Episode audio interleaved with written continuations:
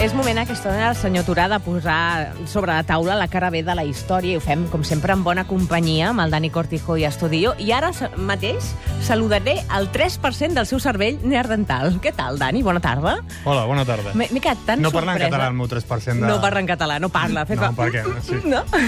Bluc, bluc, bluc, bluc, bluc, deuríem parlar així d'aquesta gent. Sí, com parlaven els neardentals, si doncs, és que parlaven? sabien articular menys sons que nosaltres. Per això, una de les teories que hi ha sobre la seva extinció, una de les moltes, és que no podien fer un vocabulari tan complex com, com el nostre. Això sí, tenien un cervell més gran que el nostre i potser eren més llestos que nosaltres. Això Sense fa que la comunicació és el que ens fa persones, diguéssim. Llenguatge corporal, no? Sí. També hauríem fer. Sí, Llenguatge també. Corporal, allò... Xoca-la i tal. Clar, però No això, clar, sé. perquè si et venien atacat, venien a atacar i no podies avisar el teu company de que el anaven a atacar bé, clar... Deixem d'inventar-nos coses Barraca. i anem, si plau, a la realitat. Avui parlem de pobles de mar, els ignorats de l'antiga història, o de la història antiga. No parlem ni de Canet de Mar ni de res d'això, eh? De què parlem? Parlem d'una colla de gent que, de sobte, va aparèixer al mar al segle XII abans de Cris i s'ho van ventilar tot. Mig Mediterrani se'l van ventilar. O sigui, segur que quan hem anat a l'escola ens han parlat dels hitites, dels micènics, dels minoics, almenys ens sona una mica, no? Aquells pobles els minoics, que estan, sí. Poc, eh? que estan enmig de les illes de l'Egeu, la zona actual de l'Orient Mitjà, tot això, de sobte, mm, si li preguntes a la gent pel carrer, i aquesta gent què se'n va fer? Perquè després van venir els grecs i els romans i tot això.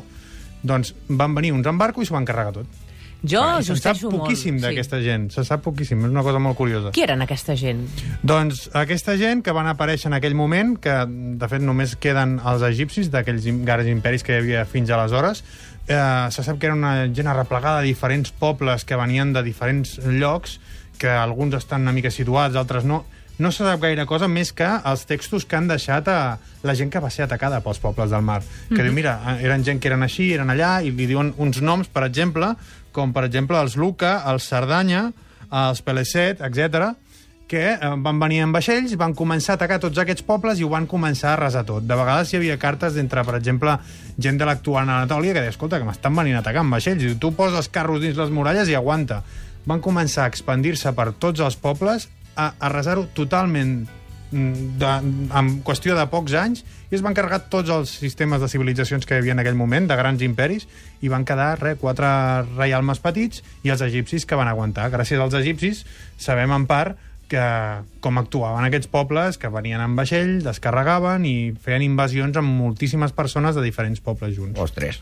I com eren? Quines pintes tenien? No sé. Doncs a veure, les pintes que tenien, ho sabem pels dibuixets que han Sí. deixat, sobretot els egipcis. Uh, Ramsès III, que era el senyor que va aturar aquests pobles del mar des d'Egipte, a la seva tomba, a Tebes, doncs, té un dibuix on ell surt supervictoriós, superenorme, amb un arc disparant, i tota aquesta gent que arriba amb vaixells, i molts d'ells són representats amb un casc amb banyes i un petit, una espècie com de moneda, com un cercle a sobre, uh -huh. i altres porten, diguéssim, que és com si fos una brotxa cilíndrica al cap, Sí. diguéssim, com si portessin el, el cabell cap amunt i tallat per sobre. Un, un tall de, així com de la- l'Armada Americana. Sí, mira, més o menys, però, però més a lo bèstia. Més a lo gran, a lo però gran. a lo afro, en volum, Sí, sí. diguéssim. Sí, sí, sí, Ah, sí, sí. vale.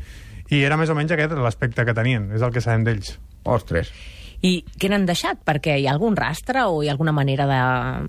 Doncs el que n'han deixat aquests pobles és, eh, com, com ja hem dit, d'una banda, totes les cròniques que han escrit aquella gent que va sobreviure, uh -huh. però després eh, el que tenim és alguns topònims que s'especulen que potser sí que eren els topònims dels llocs on es va assentar aquestes poblacions després, perquè clar, tu pots estar muntant-la durant anys i destrossant-ho tot, però arriba un moment que has de descansar. Claro. Per tant, aquests pobles que durant un temps es va dedicar simplement a ser nòmades que assetjaven les poblacions i saquejaven, Uh, per exemple, aquests que es deien Sardana, en comptes de tocar la copla, el que diuen que és que potser són l'antiga població que van a parar a Sardenya.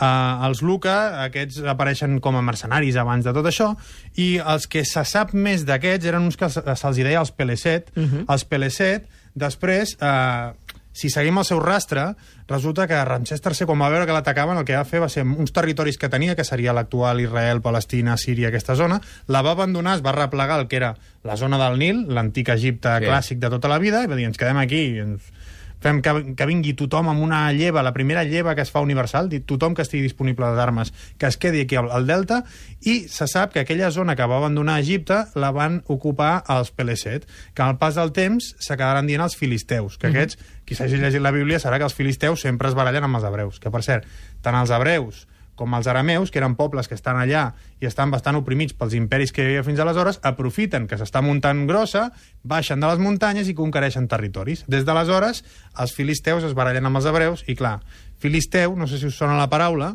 en àrab la paraula palestina és filistín, que ve del mateix. O sigui que això dels conflictes que tenim actuals, si miréssim molt enrere, veiem que ja s'estan barallant fins i tot abans que hi haguessin aquests PL7, que els hitites ja s'havien barallat amb els egipcis. Els hitites, per cert, que són ventilats per aquests pobles del mar, també. Perquè aquests pobles del mar, què els feia tan poderosos? Doncs no se sap ben bé. Mm, com vam parlar en un altre programa, segur que hi ha gent que hi veu extraterrestres amics, però, però bé, uh, no se sap ben bé, però el que es creu és que justament en aquell moment acaba l'edat del bronze. Uh -huh. El bronze, bé, la gent no té coses de bronze a casa, per alguna cosa és. Ara utilitzem acer inoxidable, etc. però l'edat del bronze es passa a l'edat del ferro. Mm, la majoria de les coses que tenim a casa són de, de ser inoxidable i així. Però, en canvi, si tenim un ganivet de ferro, que són aquells que els has de secar perquè si no rovellen, veurem que tallen moltíssim més. I es creu que, clar, tu ja podies eh, portar un armament fantàstic de bronze, que et venia un senyor amb una espasa d'aquelles, perquè els dibuixos apareixen amb unes espases grandotes i uns, i uns escuts així rodons, i se't partia Clar, una- totes les armes. I diuen que pot ser que si, simplement sigui per això que, que van guanyar aquestes guerres, diguéssim. I com es va aturar l'onada de destrucció? Doncs bàsicament es va aturar en part, per exemple, aquests pobles als PL7 va ser perquè van deixar un territori abandonat als egipcis, van dir ens assentem, i sobretot el que es creu és que són, eh, són cultures, alguns diuen que, per exemple, els que després seran els grecs formaven part d'aquests pobles, que van començar a aturar-se i posar-se en diferents territoris, diguéssim. Uh -huh. Per què no se'n parla d'ells? Per què han caigut en l'oblit? Doncs bé, jo sempre crec que en la història normalment eh, l'explicació més fàcil és la certa. És el que passa. Uh, hi ha gent que diu, ostres, com és que van estar a punt de matar Ferran el Catòlic a les cales del Plaça Rei i ningú, ningú en parla? Doncs perquè al final no va passar res. O per què no se'n parla gaire? Perquè a part d'això que us he dit, sí que podíeu trobar tesis doctorals, però donant voltes sobre el mateix, però no sabem ben bé ni qui eren, ni per què van fer tot això, ni com s'ho van muntar. Per tant, uh, seguir parlant d'aquests temes, uh, gastar tot un tema a les escoles per explicar una cosa que no sabem què és, potser el que és millor és que siguem humils i que sapiguem, fins ara no sabem més coses. I per tant, aquí arqueòlegs i historiadors s'hauran de posar a treballar per saber qui era.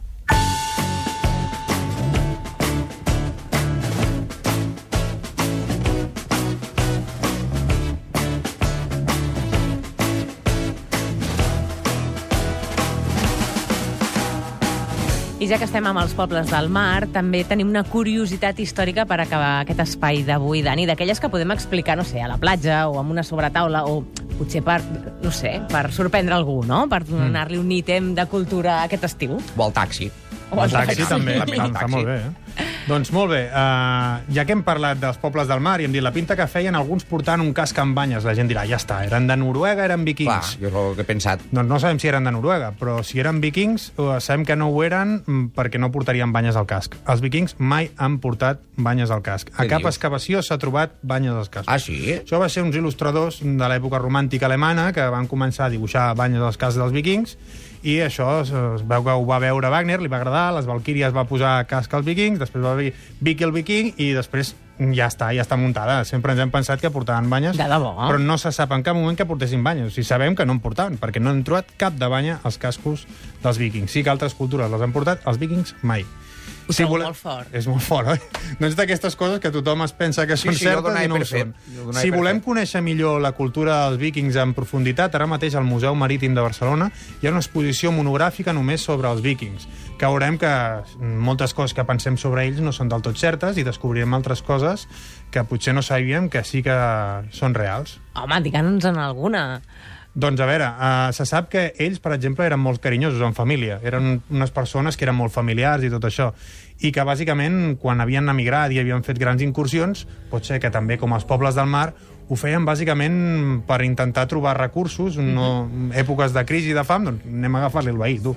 Ara demanem la sal amablement, però... Bé, El replà de l'escala, però... Heu de pensar que els vikings també van arribar per la península ibèrica, eh? I aquestes incursions que diem, oh, els vikings, que bèsties que eren, doncs els catalans els ti- altics, per exemple, els almogàvers, n'havien fet de molt grosses. De fet, hi ha zones del Balcans on els dolents, quan que es volen menjar els nens, si no dormen, es diuen catalani. O sigui que... Ah, sí? De debò? Sí, sí, sí, sí. Això ho hem Com l'home Al del sac, monestir una de mica. Meteora, Sí. mm, a, a Grècia, diuen que no hi poden entrar ni dones, ni gossos, ni catalans. Ah, sí? Sí, que si és una gossa catalana ja no sé si entrarà d'alguna manera, però... Si algú se'n va de vacances a Grècia en els pròxims dies, si plau que ho corrobori, que ens enviï una foto va, en el correu del programa, 8 dies arroba catradio.cat, que ens farà gràcia, no? Em sembla que va haver-hi un problema amb, amb, amb un ciclista que va pujar fins allà i els monjos el van tirar cap per avall i va anar fins i tot el Jordi Pujol, d'aquí que se'n parla tant, a fer un acte de desgreuja per lo dels almogàvers, una cosa així, Ah, m'ha sí? explicat, sí. Mare meva, Carai. no serà... M'han explicat, és molt perillós, eh? a vegades. Diu, es diu, es comenta... diu. Segons fons d'aquelles- m'ha dit. Sí, al taxi em comenten. Escolta, doncs hem començat pels pobles del mar, hem acabat al mar, no? A Grècia, directament, a, sobre dues rodes, però bé. Ha estat un plaer, Dani Cortijo, com sempre, que vinguessis aquí i ens fessis aquesta explicació històrica i que ens fessis volar la imaginació, de debò. Vinga. Que no... És que estic pensant, ho dic o no ho dic? Ho dic o no ho dic? Digues, dona, digueu, digues, s'ho digues. tens a la punta de la llengua. És que altra vegada, si tanco els ulls, sento l'Eduard Farelo. No m'ho puc creure, Dani. Tens una veu igual que l'Eduard Farelo. Digues-ho Happy Day, va, per acabar i així estic Però contenta. he de fer veu d'Eduard Farelo. Sí, sí. La meva és aquesta. La de l'Eduard Farelo és més aquesta, és com més de vellut. Digues, oh, oh, Happy Day. Oh, Happy Day. Han guanyat els All Green. Doncs la setmana que ve més, amb més guanys. Vinga. Gràcies, Dani.